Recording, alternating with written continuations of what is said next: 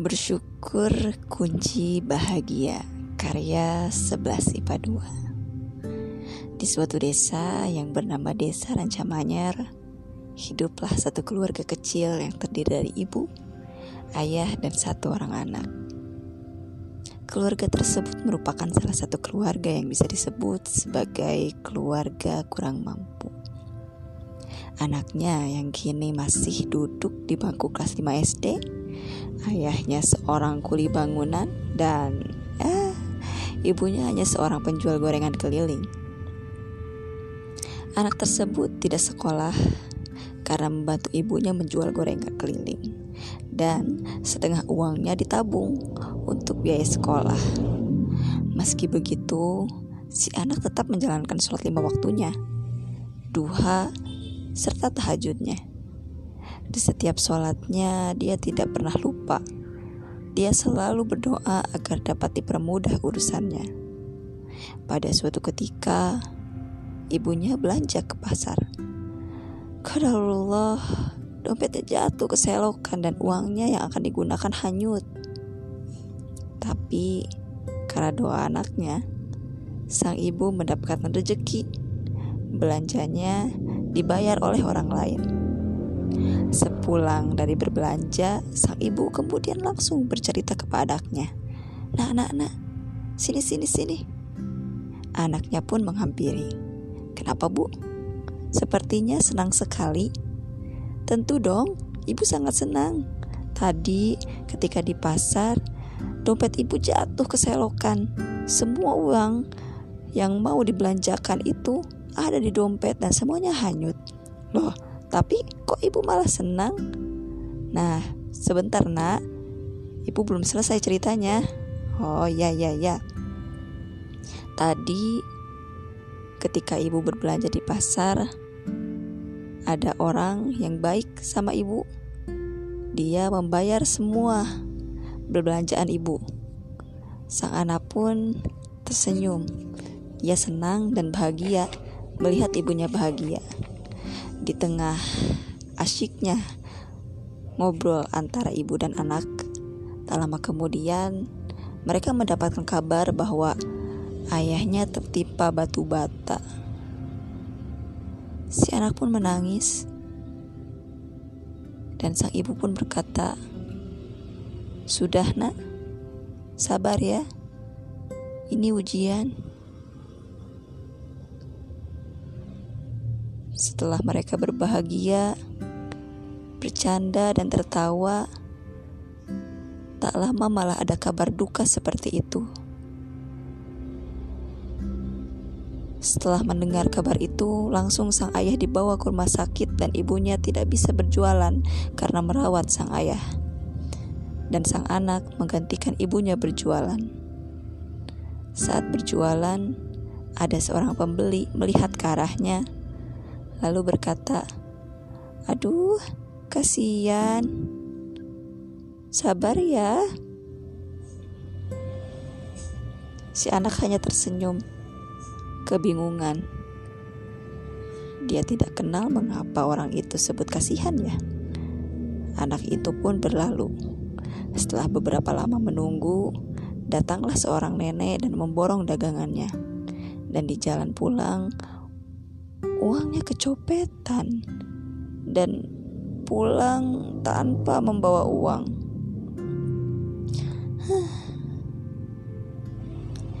Lalu, ketika di jalan pulang, dia bertemu seseorang.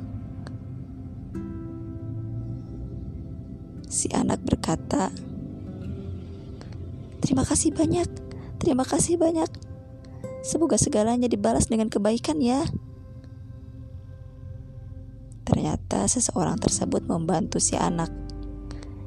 Dia memberikan uang karena ia tahu bahwa si anak sebelumnya telah kecopetan. Si anak membeli makanan untuk orang tuanya di rumah sakit. Si anak bercerita segalanya yang dialami.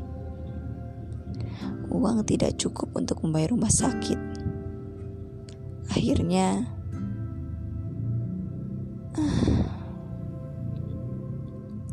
Rumah sakit meminta keluar. ayahnya dipersilakan untuk dirawat di rumah. Si anak sadar bahwa kedua orang tuanya mencari nafkah itu susah. Sambil bekerja, dia pun selalu giat belajar. Sampai pada satu waktu, gurunya menyuruh dia untuk ikut olimpiade.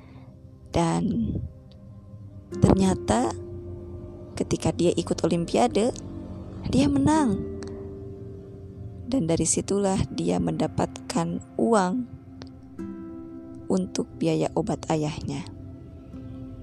Saat dia membeli obat, ia mendapat telepon dari ibunya. Ternyata ayahnya pingsan. Lalu ia segera menuju ke rumahnya. Setelah itu, anaknya membawa sang ayah ke rumah sakit. Ketika diperiksa, lemas tubuhku ketika mendengar dokter mengatakan bahwa ayah mempunyai penyakit ginjal dan harus segera dioperasi. Ibu dan anaknya kebingungan. Bingung sekali. Biayanya dari mana? Kita tidak punya uang untuk operasi. kata ayahnya, "Sudah, tidak apa-apa, tidak perlu dioperasi. Kita pulang saja."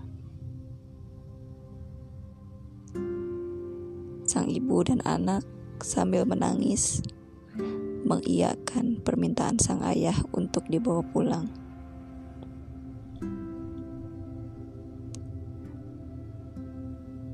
mereka memutuskan untuk pulang. Di jalan, ternyata umur ayah sudah tak lama lagi. Di jalan, ia menghembuskan nafas terakhirnya. Semua panik. Tidak ada biaya ayah dibawa pulang. Dan ketika dibawa pulang pun ayah sudah tak ada.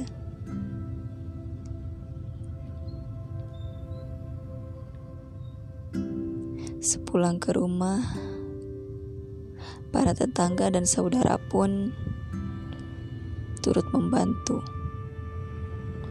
mengurus sang ayah mulai dari memandikannya,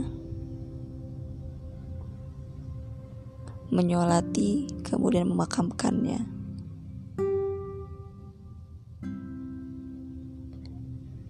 Sepulang dari pemakaman, sang anak dan ibunya mendirikan sholat. Mereka berdoa, mengaji,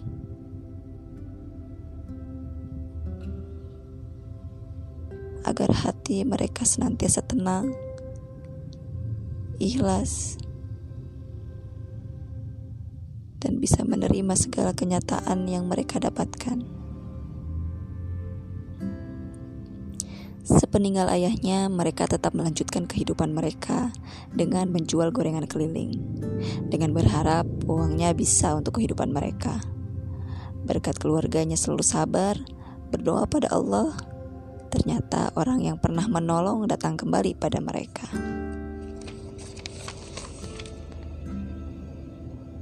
Ketika ayahnya tertitah bata, pada saat itu ternyata orang yang selalu menolong itu adalah pelaku. Pelaku dari ketidaksengajaan jatuhnya bata tersebut.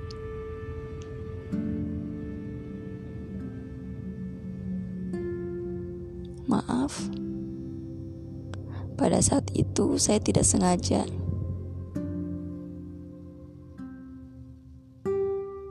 Saya teman ayahmu.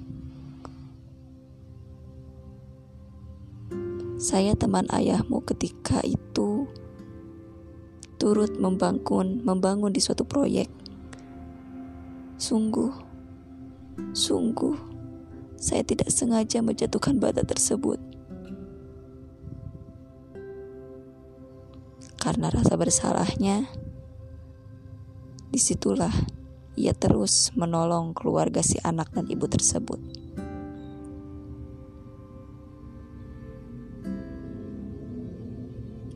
Orang yang selalu menolongnya itu adalah bapak-bapak.